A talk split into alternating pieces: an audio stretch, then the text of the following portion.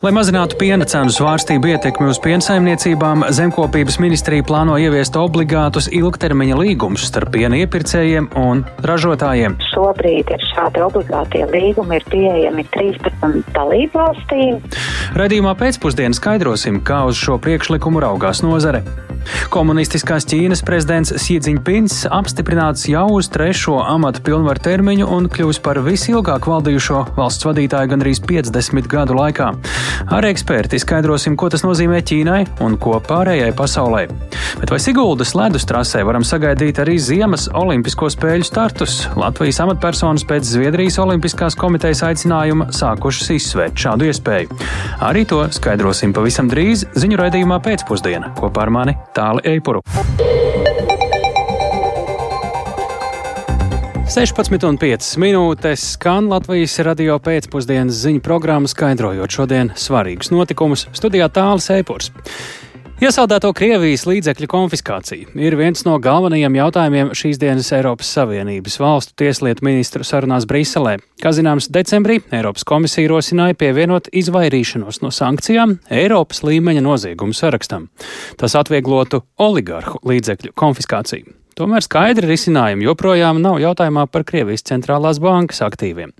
Sanāksmē Briselē sāko arī mūsu korespondents Arķems Konohaus. Ar viņu šobrīd esam sazinājušies tiešrēdē. Labdien, Arķems, saki, kādēļ diskusijas par Krievijas līdzekļu konfiskāciju ir tik politiski, juridiski sarežģīts?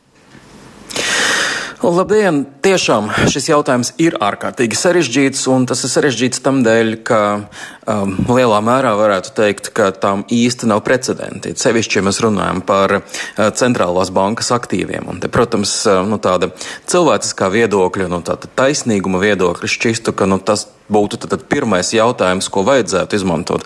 Pirmie, pirmie līdzekļi, ko vajadzētu izmantot, ja tie pieder Krievijas valstī. Un, um, protams, uh, kā otro pakāpi skatīties jau jautājums um, naudas līdzekļus, kas ir iesaldēti, bet kas pieder privātpersonām. Mēs, protams, zinām, ka ļoti daudz oligārhi, uh, sevišķi viņi atrodas, uh, um, viņi ir pakļauti sankcijām, viņi ir lielā mērā saistīti ar Krievijas režīmu un viņu privātā bagātība nāk lielā mērā arī no tā, ka ka tā ir, varētu teikt, nozakta Krievijas iedzīvotājiem. Tā kā šie jautājumi, protams, savā starpā izsaistīti, bet izrādās, ka no juridiskā viedokļa krietni vienkāršāk ir mēģināt konfiscēt iesaldētos līdzekļus oligarhiem, bet ir krietni sarežģītāk paņemt līdzekļus, kas ir iesaldēti Krievijas centrālajai bankai. Un te notiek lielas diskusijas, un arī jāsaka, ka nebūtu ne visas valstis vēlas, lai tas vai kaut kas tam līdzīgs notiktu. Un visas valstis ļoti aktīvi vēlas eh, pie šī strādāt. Un, pieņemsim, Austrija ir pateikusi, ka uh, tā uzskata, ka juridiska risinājuma šim jautājumam nav. Un uh, te neko vairs tālāk nevar runāt. Un, savukārt Latvijas jaunā tieslietu ministre Ines Lībeņa Egnere no jaunās vienotības ierodoties Briselē žurnālistiem sacīja, ka ir svarīgi arī pāriet no runāšanas par to, kā kaut ko varētu darīt, pie darīšanas, pie kaut kādiem ļoti, tādiem ļoti konkrētiem likumprojektiem. Bet nu, pagaidām izskatās, ka tomēr joprojām pārsvarā par šiem jautājumiem notiek diskusijas. Paklausīsimies, ko sanāksmes sākumā sacīja Eiropas Savienības tieslietu komisārs Didier Reinders. Mēs gribam panākt, ka Krievija samaksā par Ukrainas rekonstrukciju un atlīdzina postījumus, ko ir nodarījis tās iebrukums. Tādēļ mēs strādājam pie iespējām Krievijas finanšu līdzekļu konfiskācijas Eiropā. Tādēļ diskusija par situāciju Ukrainā ir ļoti plaša. Tad diskusija ir plaša, bet nu, pie tādiem ļoti konkrētiem risinājumiem pagaidām valstu pārstāvi vēl nav nonākuši un patiesībā nav skaidrs, kad tas varētu notikt. Jā, bet uh, ko īsti nozīmē tas priekšlikums padarīt izvairīšanos no sankcijām par Eiropas līmeņa noziegumu? Kāpēc uh, tas ir svarīgi un cik tālu ar to vispār ir šobrīd? Pamatdoma šim priekšlikumam ir, ka, ja tas kļūs par Eiropas līmeņa noziegumu, tad kļūs vieglāk eh, ar tiesas lēmumu eh, līdzekļus, pārsvarā šeit runa ir par oligarhiem, līdzekļus atņemt. Tad, ja oligarhi izvairās eh, no sankciju ievērošanas, mēģina slēpt savus līdzekļus, mēģina viņus kaut kur um, te teikt, um, nolikt drošā vietā, uh, tad gan viņiem, gan arī tiem cilvēkiem, kas viņiem palīdz to darīt, dažādiem advokātiem, juristiem un baņķieriem, um, tad, tad draud uh, nopietnas sekas. Un ir svarīgi, lai tas būtu Eiropas Savienības līmeņa noziegums, jo tad tas būtu ar vienādām sekām visā Eiropas Savienībā, nevis būtu atšķirības starp dažādām valstīm. Bet, protams, katrs gadījums tad tiktu skatīts atsevišķi un katrā gadījumā būtu nepieciešams tiesas spriedums. Tas arī nav nekāds ātrs un tāds vispārīgs eh, mehānisms, bet nu, šobrīd decembrī Eiropas komisija ir nākusi klājā ar šo priekšlikumu, un pie tā tālāk notiek darbs jau eh, dalību valstu līmenī, eh, un pagaidām arī šeit tāda ļoti konkrēta datuma, kad tas varētu tikt apstiprināts un pieņemts nav. Par to arī šodien ministri runā, bet tas ir kā tāds viens no rīkiem. Un vēl arī jāpiebilst, ka vēl viens rīks, par ko arī nesen tika runāts, ir, ka tiek mēģināts apkopot un centralizēt informāciju par to, kur tad kurā valstī un cik daudz ir arestēti Krievijas līdzekļi, lai būtu Briselē labāks priekšstats par to, kas kurā valstī atrodas un ko potenciāli varētu, ja nu gadījumā tiek atrasts mehānisms, ko varētu izmantot un novirzīt pēc tam Ukrainas rekonstrukcijai. Paldies, Arķems Konhaus, tiešraidē no Brīseles, runājot par to, kā rīkoties turpmāk ar eh, Krievijas eh, līdzekļiem to iesaldēšanu. Tikmēr Gruzijā turpinās, turpina risināt citas ar Krieviju un oligarhiem saistītas problēmas. Pēc plašiem pēdējo dienu protestiem Galvaspilsētā Tbilisī Gruzijas parlaments šodien oficiāli ir pārtraucis virzīt likumprojektu par ārvalstu aģentiem. Tomēr opozīcijas partijas kopīgā paziņojumā e, bija uzsvērušas, ka protesti turpināsies, kamēr netiks sniegtas garantijas, ka Gruzija cieši nostājusies uz pro-rietumnieciskā ceļa. Plašāk par notiekošo Gruzijā Riharda Plūmas ierakstā. Pie Gruzijas galvaspilsētā Tbilisī esošā parlamenta šorīt bija pulcējušies simtiem cilvēku, un to rokās bija manāmi Gruzijas karogi, svilpes un plakāti Mēs esam Eiropa, un drīz vien laukumu pārņēma gaviles. Tas tādēļ, ka pēc Gruzijas sabiedrības skaidri paustās neapmierinātības pilsētas ielās parlaments šodien nobalsoja, ka neturpinās skatīt asi kritizēto un strīdīgo likumprojektu par ārvalstu aģentiem. Jāatgādina, ka šis likumprojekts bija izpelnījies salīdzinājumus ar Krievijas 2012. gadā pieņemto ārvalstu aģentu likumu, ko Kremlis izmantojis opozīcijas apspiešanai un neatkarīgo mediju slēgšanai. Vēl dienu iepriekš parlamenta vairākums, kurā ietilpst partiju Gruzijas sapnis un tautas spēki deputāti paziņoja, ka Gruzijas parlamentā atsaukts likumprojekts, un prezidente Salome Zurabišvilī apsveica sabiedrību ar pirmo uzvaru. Tā ir vēl rīkšķīmī, da, tels Es vēlos apsveikt sabiedrību ar pirmo uzvaru. Es atzinīgi vērtēju valdības pareizo lēmumu atsaukt likumu. Šāds lēmums pieņemts, ņemot vērā cilvēku reālo spēku, kas tika demonstrēts Tbilisī ielās. Ar šo vienotību, ja mēs esam demokrātiska nācija, nav iespējams, ka valdība un parlaments demokrātiskā valstī nerēķinās ar tautas gribu un balsi. Nebaidieties! Pret valdību valda neusticēšanās un ir saprotams, kāpēc. Nebaidieties no tā, ko viņi darīs un kādu likumu ieviesīs vai atsauks. Taču nevar apgalvot, ka šī prezidentes pieminētā pirmā uzvara, ne arī šodien izcīnītā uzvara un iekšlietu ministrijas apgalvojums, ka visi aizturētie demonstranti esot atbrīvoti, būtu cilvēkus pārliecinājuši, jo uzticība šai valdībai ir zudusi, ko uzsver arī daudzi eksperti un paši iedzīvotāji. Daudzi tūkstoši cilvēku pēdējās dienās izgāja galvaspilsētas ielās, lai atklāti un stingri paustu neapmierinātību ar valdības tuvināšanos Krievijai un ar vien lielāku lielāku atkāpšanos no eiropeiskā ceļa, un tas varētu turpināties. Arī opozīcija ceturtdien izplatīja kopīgu paziņojumu, kurā apsolīja protestu turpināšanos, kamēr nebūs pārliecinošu garantiju, ka Gruzija cieši nostājusies uz prorietumnieciskā ceļa. Lai gan uz protestiem aicina arī opozīcija, tomēr to virzošais spēks ir pati sabiedrība, tā uzskata Gruzīnu žurnāliste Ketija Tudberīdze. Все-таки движущая сила. Demonstrāciju virzošais spēks tomēr ir Gruzijas sabiedrība. Jaunieši, studenti, aktīvisti, žurnālisti un vienkārši cilvēki, kas vēlas dzīvot demokrātiskā valstī, kas būtu Eiropas Savienības locekle. Tas ir mūsu mērķis un tas ir ierakstīts konstitūcijā, ka valdībai ir jādara viss, lai palīdzētu Gruzijai integrēties Eiroatlantiskajās struktūrās. Struktūri. Tikmēr bijušais prezidents Georgijs Margvelašvili uzskata, ka valdošo partiju maska, kas aizsagušas savu prokrievisko nostāju, beidzot ir kritusi.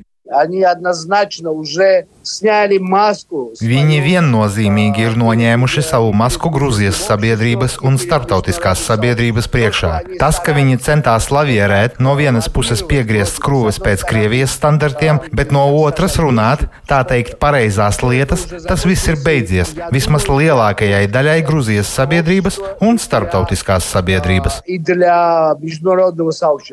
Viņš norāda, ka Grūzijas sabiedrību mobilizēt pret šo likumprojektu palīdzējusi Krievijas pieredze, proti Gruzīni lieliski apzinājās, ar ko šī likuma pieņemšana var beigties.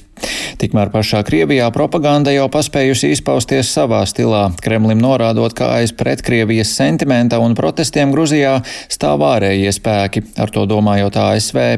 Šādi viedokļi izskan arī Krievijas televīzijas kanālos, kur tiek minēts arī tas, ka Gruzijā notiekošo varot apturēt bijušo padomju Savienības teritoriju pievienošana Krievijai. Rihards Plūme, Latvijas radio. Tāda atbalsts pēc parlamenta lēmuma Gruzijā, bet turpinām mēs par citas daudz lielākas valsts parlamenta lēmumu. Komunistiskās Ķīnas prezidents Siedziņpiņš oficiāli ir apstiprināts uz trešo amata pilnvaru termiņu. Tādējādi kļūstot par visilgāk valdījušo valsts vadītāju gandrīz 50 gadu laikā. Šodien sākās Ķīnas parlamenta Nacionālā tautas kongresa ikgadējā sesija. Tajā izraudzīsies arī nākamo premjerministru, bet vairāk stāsta Ulris Čēzbergs.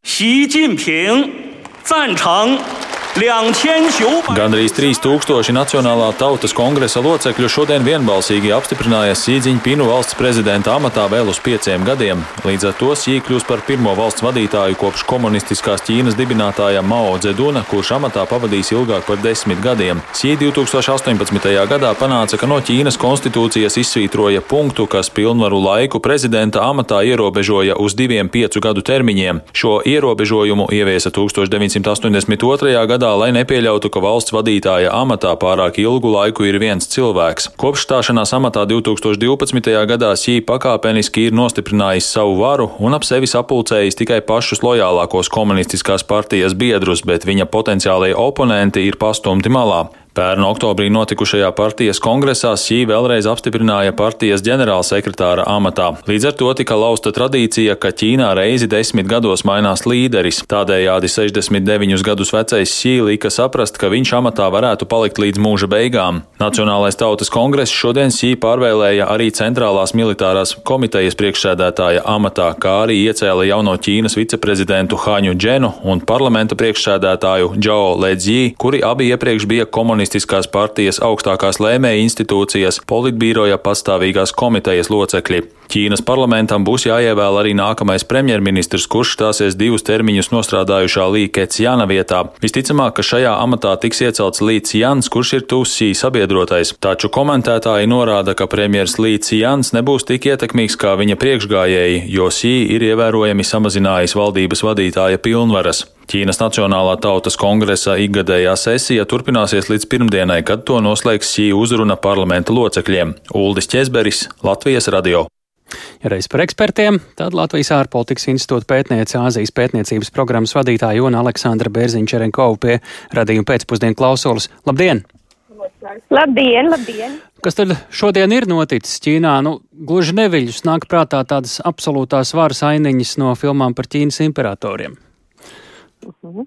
Jā, nu, jāsaka, ka, protams, nu, imperators laikam nav īstais vārds, bet skaidrs, ka no demokrātijas tālu, kaut arī Ķīna mēģina, protams, pār, pārņemt vārdu demokrātiju ie, ie, ieviest tajā jaunu nozīmi un teikt, ka šī ir iekšpartijas demokrātija. Mēs skatāmies, ka gandrīz trīs cilvēki no 3000 cilvēku ir nobalsojuši vienādi, iebalsojot citiem pirms trešajā prezidentūras termiņā, un mēs redzam, nu, tādu uzvedumu, jā. Ja? Bet uh, cik interesanti, ka Ķīna mēģina to komunicēt kā, uh, kā kārtību un kā tādu attīstību. Tātad tas pats notikums un divas pilnīgi pretējas interpretācijas. Līdz ar to kas sagaida Ķīnu politiski un ekonomiski. Viņiem pašiem arī pēdējie gadi netuvu nav bijuši tie vieglākie pandēmija, citi izaicinājumi. Tāda līdera un nu jau pavisam oficiāla nostiprināšanās pie varas varētu nozīmēt kādu kā uzrāvienu vai varbūt te tomēr tā lēnāk par tiltu ar spriedumiem. Nu, mēs redzam, ka Sīdņpins ir uh, uzticams savam centralizācijas principam, turēt kontroli, neizlaist to, un mēs zinām, ka šāda recepte līdz šim Ķīnas ekonomikai nav nesusi rezultātus. Ķīnas ekonomika ir plaukusi uh, tad, kad decentralizācija ir bijusi uh, dienas vārds. Tajā pašā laikā mēs redzam arī, ka uh, nu, faktiski nacionālo, citu nacionalitāšu pārstāvju faktiski nav. Nu, ir, ir viens uigurs un, un viens tibetietis, bet tas arī viss, jā, tas pastāvīgi, jā. Kom, principā ir, ir, ir, ir, mēs redzam, ka tā ir tāda homogenizācija uh, un centralizācija, un tā ir arī Sigūna pieeja, ka partija pāri visam, tātad mēs to redzam, kaut arī šie divi, šīs divas sesijas, ja ir viena ir konsultatīvais parlaments, un otra ir tā kā, nu, tautas parlaments, mm, bet uh, faktiski jau šīs nav kompartijas sesijas, bet arī pat laikā uh, kompartijas vārds ir visur, un tātad Sigūna arī ir otram savam lielam principam uzticams uh, partija, vada visu, partija vada dienvidus, ziemeļus, austrumus, rietumus. Ko tas nozīmē pārējai pasaulē Tā skatā mums dziļāks tāds autoritārisms rada bažas par varbūt krietni neprognozējumāku ārpolitiku vai, un rīcību, vai arī mēs varam sagaidīt kaut kādu agresīvāku Ķīnas interešu realizēšanu, vai es pārspīlēju atkal? Mēs redzam, ka Ķīna ir uh, nesen nākus klājā ar droši, globālo drošības iniciatīvu un meklē valsts līderus, kuri to uh, apstiprina, ja, un tur arī, arī tepat mūsu kaimiņu Baltkrievu prezidents. Uh, un tas nozīmē, ka noteikti šobrīd nav runa par attiecību uzlabošanu ar ASV, tas, tas, ne, tas nenotiks. Mm, un uh, šī, nu, tāda pieeja pret uh, ASV vadīto drošības arhitektūru turpinās. Bet, protams, tāpat laikā, ja mēs paskatāmies uh, gan Sīdņpina runas, gan arī uh, vispār apspri dienas kārtību šajās dienās, uh, šajās marta dienās, tad ārpolitika, protams, ne tuvu nav uh, centrā. Mēs redzam, ka, jā, protams, tiek atkārtots mantras, par ASV kā hegemonu, bet tāpat laikā cauri tām rindiņām jau var redzēt, ka partija ļoti labi apzinās un vadība ļoti labi apzinās tās ekonomiskās un sociālās problēmas, kuras arī uh, jūs iezīmējāt. Tāpēc ārpolitiskā dienas kārtība kalpos lai nomierinātu iekšpolitiskos sociālos jautājumus. Un tā nav, tās nav labas ziņas, jo ārpolitiskai tad dienas kārtībai jābūt gana kareizīgai. Ļoti vērtīgi bija uzklausīt jūsu redzējumu. Sarunājāmies ar UNO Aleksandru Bērziņu Čerenkovu, Rīgas Stradiņu Universitātes Ķīnas studiju centra vadītāju, Latvijas ārpolitikas institūts, institūta pētniece un Āzijas programmas vadītāju. Vai Latvijā jau pēc septiņiem gadiem varētu notikt Ziemas Olimpiskās spēles? Un zināms, ka pirmos studentus sāks uzņemt topošā iekšējās drošības akadēmija. Šie un citi temati ir raidījumā pēcpusdiena turpmākajās minūtēs.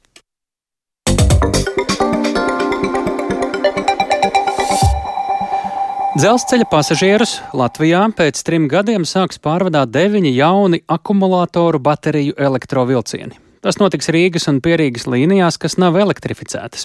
Tie būšot klusāki nekā dīzeļvilcieni un arī vidē nekaitīgāki. Kopumā deviņi vilcieni izmaksās ap 90 miljoniem eiro, no tiem 75 miljonus valdība šonadēļ ir atbalstījusi. Kā valstī sokas ar šo projektu un vai Latvijas dzelzceļa infrastruktūra šādiem vilcieniem ir gatava un cik gatava, vairāk Viktora Demidova ierakstā. Jaunie akumulātoru bateriju vilcieni varēšot kursēt līnijās, kas ir elektrificētas un arī kas nav.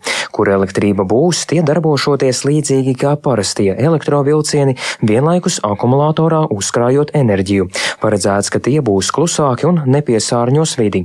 No Eiropas fondiem kopumā paredzēts iegādāties deviņus šādus vilcienus, kas kopumā izmaksās ap 90 miljoniem eiro, no kuriem teju 75 miljonus valdība atbalstīja šonedēļ. Turpina satiksmes ministrijas dzelzceļa politikas un infrastruktūras departamenta direktors Kārlis Eņģelis. Iecerētie iepirkuma pirmie deviņi elektrovilcieni neatrisina visus jaunu vilcienu ieviešanas eh, jautājumus, bet tas ir nozīmīgs eh, pirmais solis eh, kopā ar 32 elektrovilcieniem, kuru piegāda pašā noslēguma fāzē, un šī gada laikā mēs sagaidām to piegādu nonākšanu eksploatācijā, tad nu, arī eh, ir nepieciešams eh, dīzeļdegvielas vilcienu eh, nomaiņas plāns. Plānots, ka šie jaunie agregāti sākot no 2026. gada pasažierus pārvadās maršrutā Rīga-Sigulda un Rīga-Bolderāja, kur plānots izveidot divas pieturvietas - netālu no Slokas ielas un blakus Silikātu ielai. Tuvāk Tuvāko trīs gadu laikā līniju uz Bolderāju valsts apņemas arī elektrificēt. Pa šo laiku vismaz par pusotru miljonu eiro paredzēts izveidot arī pirmo uzlādes punktu, kas atradīsies Siguldā, turpina Eņģelis. Mēs rēķinamies ar 80 km distanci, ko šie bateriju vilcieni varēs nobraukt, tad, kad jau baterijai būs zināms nolietojums iestājies.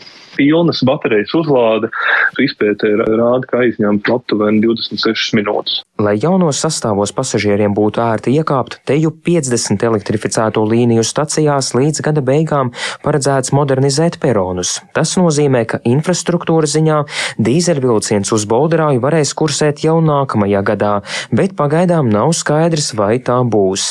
Par vairāk nekā 44 miljonus eiro vērto projektu stāsta Latvijas dzelzceļš pārstāve Agnese Līcīte. Tiek pielāgots, lai būtu šī viena līmeņa iekāpšana, tostarp arī soliņu nojumes, apgaismojums, audio un vizuālā apziņošana, atkritumu urnas un viss pārējais, kas ir nepieciešams nu, tādai ērtai, mūsdienīgai, funkcionālai uh, pasažieru platformām, lai, lai viens uh, cilvēks, kurš uh, atnāk sagaidīt vilcienu, justos ērti, patīkami un droši. Valsts apņēmību pozitīvi vērtē satiksmes eksperts un bijušais nozares ministrs Andrijs Matīs, norādot, ka dzelzceļa pārvadājumiem ir jābūt par pasažieru pārvadājumu mugurkaulu. Satiksmes bolderāju pirms dažiem gadiem cerēja atklāt līdz 2022. gadam. Par iepriekšējās valdības neīstenoto plānu Matīs pauž nožēlu. Noteikti šos darbus varēja paveikt ātrāk, un ņemot vērā kravu pārvadājumu struktūru uz dzelzceļa, kas strauji krītās, tad šobrīd ir jāpievērš īpaši uzmanība pasažieru pārvadājumiem, lai dzelzceļš varētu pārorientēties uz, uz citu veidu pārvadājumiem, kas ir perspektīva, manuprāt, un noteikti pēc iespējas ātrāk šos divus stacijas būtu jāizbūvē. Protams, ka sākumā, kamēr nav šie bateriju elektrovilcieni, tikmēr droši vien, kad uh, būs jāizmanto dīzeļvilcieni. Uzņēmums, kas Latvijai piegādās bateriju elektrovilcienus, iespējams būs zināms jau šī gada beigās. Viktors Demidovs, Latvijas radio. Lai mazinātu piena cenu svārstību ietekmi uz piena saimniecībām, zemkopības ministrija gatavo kārtību par obligātu ilgtermiņa līgumu ieviešanu starp piena iepirkējiem un saimniecībām. Tāds priekšlikums ir iezīmēts šonedēļ valdībā izskatītajā ministrijas ziņojumā un par to e, tieši kā risināt piena cenu krīzi. Šobrīd šādi obligātie līgumi jau ir pieejami 13 Eiropas Savienības dalību valstīs. Tur minimālais līguma periods piemērots gan uz sešiem mēnešiem, gan uz gadu, kā kurā valstī. Piena nozara Latvijā pagaidām uz priekšlikumu raugās piesardzīgi un plašāk par to Sintīs Ambotas ierakstā. Eiropas Savienības normatīvi jau desmit gadus paredz iespēju dalībvalstīm starp piena ražotājiem un pārstrādātājiem noteikt ilgtermiņa līgumus kā obligātus. Valsts varētu noteikt līguma minimālo ilgumu un kādus cenu veidojošus faktorus, bet ne pašu cenu uzsver zemkopības ministrijas tirgus kopējās organizācijas nodaļas vadītāja Dāca Freimane. Regulējums paredz, ka dalībvalsts, ja nolem, ka šāds līgums ir obligāts, tā papildus var noteikt minimālo ilgumu, un šis minimālais ilgums regulā ir noteikts vismaz seši mēneši. Protams, ka dalībvalsts var noteikt arī ilgāk, pētot arī citu valstu pieredzi, un mēs redzam pēc Eiropas komisijas datiem, ka šobrīd ir šādi obligātie līgumi, ir pieejami 13 dalībvalstīm, ir gan piemērots šis seši mēnešu periods, gan arī viens gads. Un tāds labs piemērs ir arī Francija, kur šeit šis minimālais līguma termiņš ir pieci gadi. Zemnieku saimnes pārstāvis aizkrauks novada zemnieku saimniecības veciliāņu saimnieks Juris Sprukuls gan uzskata, ka ilgtermiņa līgumiem jābūt kā ieteikumam no valsts, nevis obligātai prasībai. Es domāju, ka valsts nevar iejaukties biznesā, izstrādājot kādus ministru kabinetu noteikumus, kādus līgumus slēgt. Tas ir noteikti labs ieteikums, un uh, mēs uh, arī esam biedri piena loģistikā, kooperatīvā. Mēs arī esam šos ilgtermiņu līgumus apsprieduši, jo tas būtu gan prātīgi piena ražotājiem, gan arī pārstrādātājiem, lai nebūtu šīs krīzes situācijas. Protams, ka ilgtermiņu līgumu nebūtu prātīgi slēgt simtprocentīgi ar visu savu produkciju, bet daļu vai lielāko daļu iespējams, kad ir nepieciešams. Piensaimnieku centrālās savienības vadītājs Jānis Šalks norāda, ka pat laban brīvprātīgi ilgtermiņa līgumus ar piena pārstrādātājiem slēdz neliela daļa zemnieku. Viņa prāta ministrijas priekšlikums ir apspriežams, bet pagaidām neskaidrs. Kaut arī mēs, kā Latvija, esam viena no Eiropas Savienības dalību valstīm, arī mums ir pilnīgi cits stāsts piena nozarē, salīdzinot, piemēram, ar Vāciju, Franciju. Nu, tāpēc izskanējušās domas par to, ka nu, kur ir Eiropas vidējā piena iepirkuma cena, un pēc tās arī skatāmies. Nu, mūsu gadījumā vienā brīdī var būt ļoti par sliktu piena ražotājiem, un citā brīdī pilnīgi pretēji atkal piena pārstrādātājiem. Tāpēc pārstrāde nekam nepretojas. Un e, mums ir jāvienojas ar gandrīz desmit vadošajām lauksiemnieku organizācijām, lai mēs varētu nu, kaut kādu kopēju viedokli gūt. Zemkopības ministrija pagaidām nav ieplānojusi kādu konkrētu ilgtermiņa līgumu kārtības izveidas termiņu, bet par šo tuvākajā laikā diskutēs ar nozari. Ja nākotnē Latvija šādu kārtību noteiks, tad tiks paredzēts arī kontrolas mehānisms, lai izsekotu, vai abas puses arī slēdz šos ilgtermiņa līgumus. Sinti Ambota, Latvijas radio. Atgādinām, ka vakar zemkopības ministrs Dīdžs Šmits ar Lietuvas lauksaimniecības ministru Kēstuti Navīcku vienojās kopīgi Eiropas komisijā pieprasīt steidzamu ārkārtas finansiālo atbalstu piena ražotājiem no Eiropas Savienības krīzes rezerves fonda lauksaimniecības nozarē. Kārtījā lauksaimniecības un zivsaimniecības padome Eiropā 20. martā.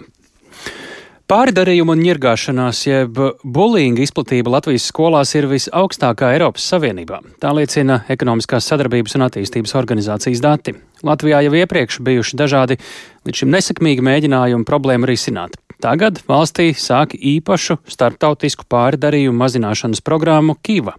Par programmu, kas jau īstenota citās valstīs un no septembra būs arī mūsu skolās, plašāk Lindas Spundiņas ierakstā. Kiva, it's an acronym for two Finnish words. Kiusaamista vastaan. Programmas nosaukumu Kiva, jeb no somu valodas divu vārdu savienojumu, kas latviski nozīmē pret pārdarījumiem, skaidro programmas autore, Turku Universitātes psiholoģijas profesora Kristīna Selmi Valī no Somijas. So, Kiva skola. Kiva skola ir jauka un draudzīga skola, bet vienlaikus arī skola pret bulingu. Latvijā bulings jeb ņirgāšanās ir liela problēma. Pierādīts, ka bērni un pusauģi, kuri cietuši no bulinga, daudz biežāk piedzīvo dažādus psihiskās veselības traucējumus. Pētījumos konstatēts, ka pārdarījumi veicina priekšlaicīgu mācību pārtraukšanu. Latvijas skolās, salīdzinot ar citām valstīm, ir viens no augstākajiem neataisnoto kavējumu rādītājiem. Apzinoties problēmas sekas, Latvijas skolās piedāvās vienotu rīcības plānu. Tā būs Kiva programmas īstenošana. Katrs trešais skolēns kaut reizi mēnesī ir uh, izjutis teiksim, bulingu. Tas ir 15 gadus veco skolēnu vidū. Līdz ar to īstenībā mums ir jādomā par tiem risinājumiem, kādā veidā mēs to situāciju mainām. Un uh, Kivas programma, kas ir uh, profilakses un agrīnās intervences programma, ir viens no šiem risinājumiem, kas varētu būt tas visefektīvākais. Jo Tā pieredze arī, kas ir ar Kīvas programmas ieviešanu arī citās valstīs, liecina, ka nu, mēdz būt arī gadījumi, kad bulīga izplatības rādītāji astoņu gadu laikā pat samazinās uz pusi. Skaidro valsts kancelēs pārisoru koordinācijas departamenta konsultantu un agrīnā preventīvā atbalsta sistēmas bērniem ieviešanas darbu vadītāja Sigita Sniķera. Veiksmīgie rezultāti ir iemesls, kāpēc programmu ieviesīs Latvijā. Tā jau rudenī nonāks skolās, bet ne visās. Tiks veikta šī skolu nejaušā atlase. Skola atlase notiksies tagad aprīlī, un pēc tam arī būs pirmā aptauja, kurā faktiski tiks vērtēta situācija, kāda tā ir skolās dotajā brīdī pirms Kīvas programmas uzsākšanas. Tā būs pieejama visām skolas vecuma grupām visos reģionos. Kiva programma radīta pirms teju 20 gadiem un veiksmīgi īstenot jau vairāk nekā 20 valstīs. Tā ir pierādījumos balstīta pieeja, lai apzinātu un novērstu bulingu. Turpina programmas autore profesore Kristīna Salmivālī. Uh, Programmai ir dažādas versijas atkarībā no vecuma grupām, atšķirīgas versijas mācību stundām, kā arī dažādas versijas tiešsaistes spēlēm un citiem materiāliem. Gadu gaitā mēs esam veikuši jaunus pētījumus, saņēmuši atsauksmes. Pirms pāris gadiem mēs uzlabojām programmu.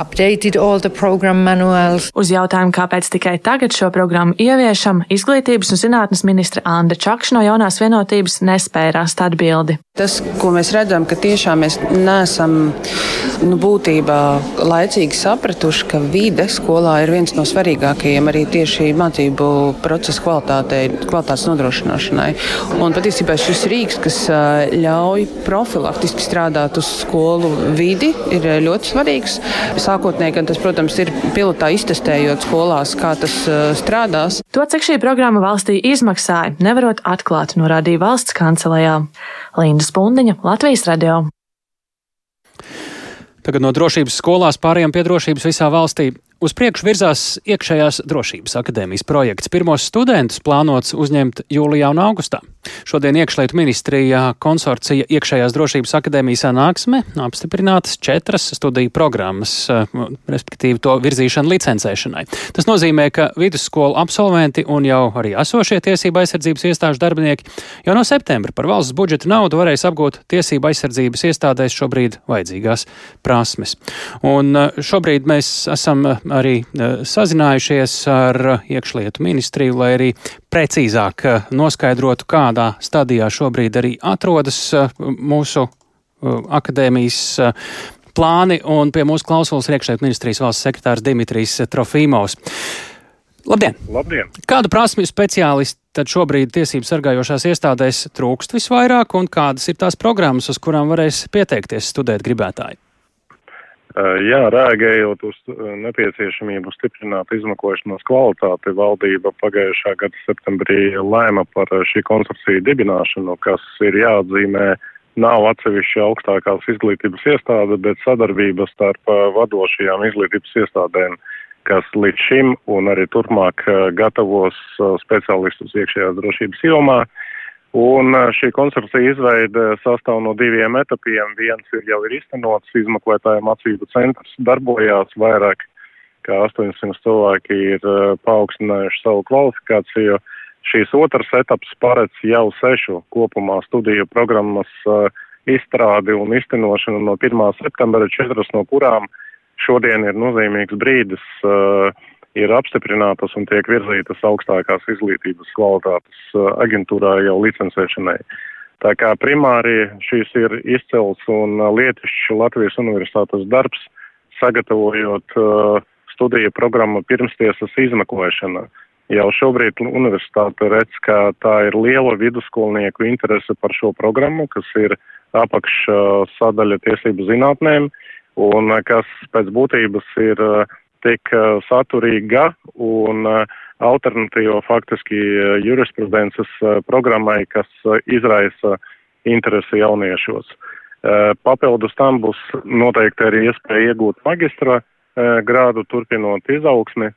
Un pārējās programmas paredz to, ka īsā cikla programma policijas darbs, kas līdz šim ir iztenots, notiks pēctecīgi Rīgas Traduņu universitātē, Eh, tāpat ekonomiskās drošības aizsardzība, kas ir atsevišķa studija programma, ko uh, līderēs uh, Rīgas Stradiņa universitāte, un pēdējais ir jāpiemina tiesība aizsardzības iestāžu glābšanas dienestu kriminālu sodu izpildes iestāžu vadītāju programma. Tā ir līderības programma, kur uh, līdzās šai izmeklēšanas kvalitātes uh, stiprināšanai mēs, protams, uh, tiksim pie iespējas stiprināt vadošo virsnieku ja, izaugsmi, un virzīšanos uz to, ka mūsu dienestu iekšējās drošības jomā vadītāji ir ieguvuši atbilstoši moderno programmu, apguvuši un ir spējīgi vadīt ne tikai kolektīvu bet arī tā skaitā gan sevi, gan arī, protams, domāt Jā. par uh, savu, savu iestāžu attīstību. Mm -hmm.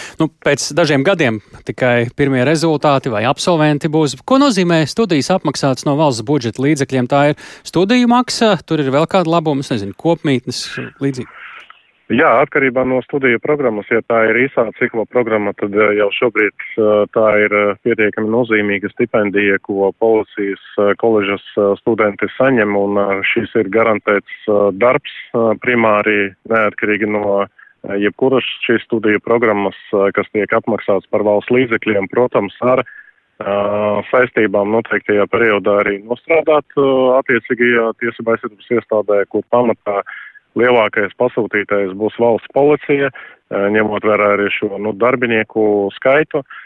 Jums taisnība, ja pirmie rezultāti īpaši bakalaura programmās būs redzami tikai pēc vairākiem gadiem, bet šis ir pamats tam, lai tieši pēc šiem gadiem mēs redzētu to, kādā veidā šī izglītības sistēma attīstās, un šī būs sadarbība starp vairākām augstākās izglītības iestādēm, piesaistot, nu, faktiski šobrīd vadošos lektorus, ko iespējams dabūt Latvijā. Šī būs sadarbība ar CEPOL, policijas izglītības nu, iestāde Eiropā, kas veiks gan kvalitātes auditu, gan, protams, sadarbojoties ar citu valstu vēstniecībām. Jau šobrīd uzrunājam savus gan strateģiskos partnerus, gan citus, kur mēs varētu iegūt labas zināšanas kibernozieguma apkarošanā, naudas atmazgāšanas novēršanā un tā tālāk. Ļoti vērtīgi ņemot vērā, ka ilgu laiku šāda veida tiesība aizsardzības iestāžu darbinieku izglītošanas iestādes Latvijā bija ar pamatīgu vakumu pēc policijas akadēmijas apstādināšanas. Liels, liels paldies par sarunu. Jā, vēl piebildes? Paldies jums. Paldies jums, jā. Mēs sarunājāmies ar Dimitriju Trofīmovu, iekšliet ministrijas valsts sektāru, un stāsts tātad par to, ka pirmos studentus plānots uzņemt jau jūlijā iekšējās drošības akadēmijā. Bet jaunās iekšējās drošības akadēmijas absolventiem iespējams pēc vairākiem gadiem varētu būt darba pilnas rokas kādā lielā sporta pasākumā, tepat Latvijā.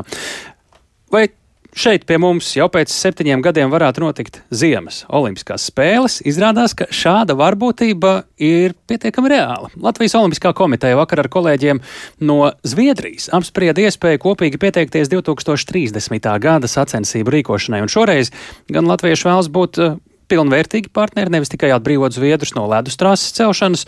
Tiesa pašlaik eh, tās ir tikai sarunas un nav skaidrības, cik nopietnu veidolu tieši šī situācija iegūs. Lai vērtētu ieceri uz īsu izklāstu, eh, šobrīd esam aicinājuši studijā pievienoties mūsu kolēģi no sporta redakcijas Mārtiņa Kļavinieku. Sveiks, Mārtiņ! Sveiks, tālāk, sveicināt klausītāji! Nu, cik daudz šobrīd ir zināms par to Zviedrijas piedāvājumu nopietnību un arī Latvijas uh, atbildes vai turpmākās spriešanas nopietnību?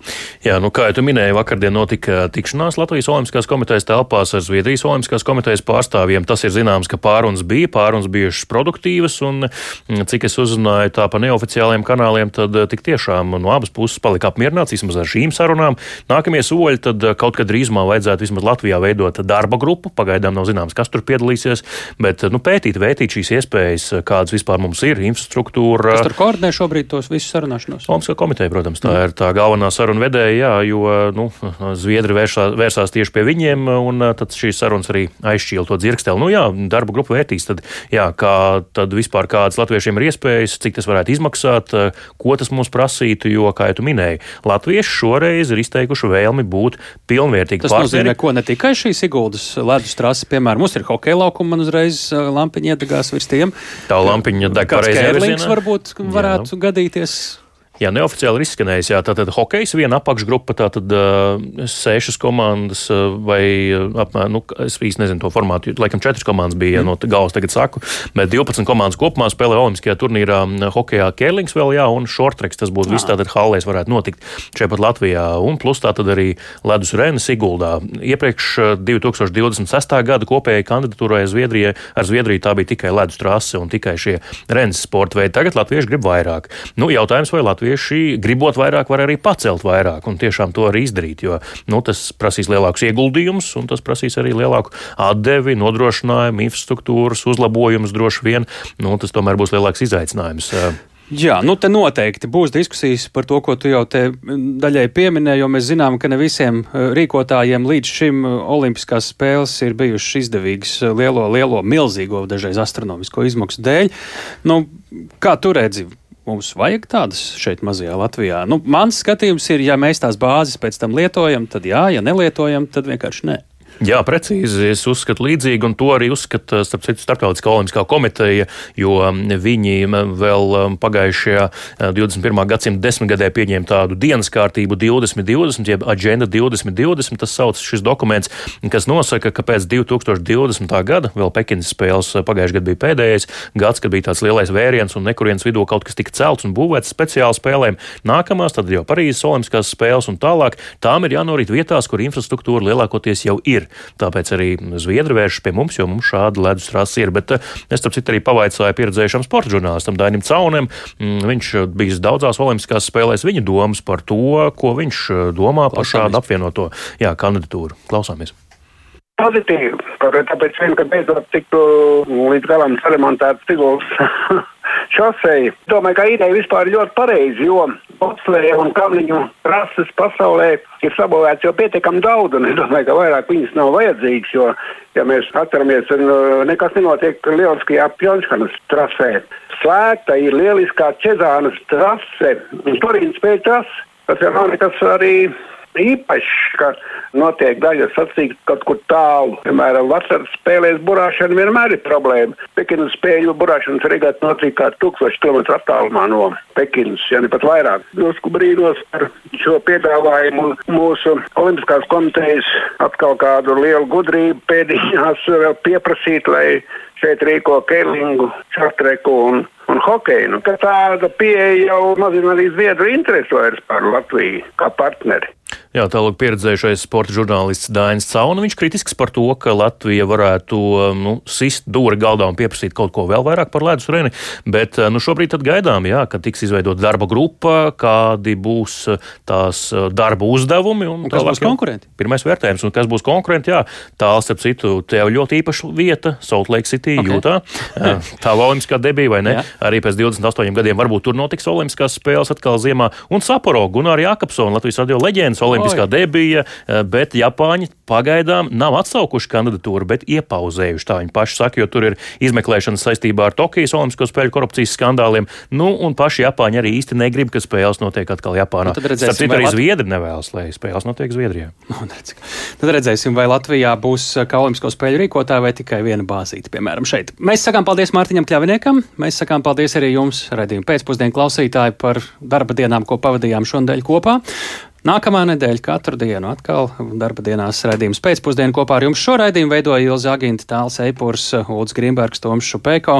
Mēs sakām visu labu un ņemiet Latvijas radio mobilo lietotni, lai dzirdētu šo raidījumu. Tokā! Yeah.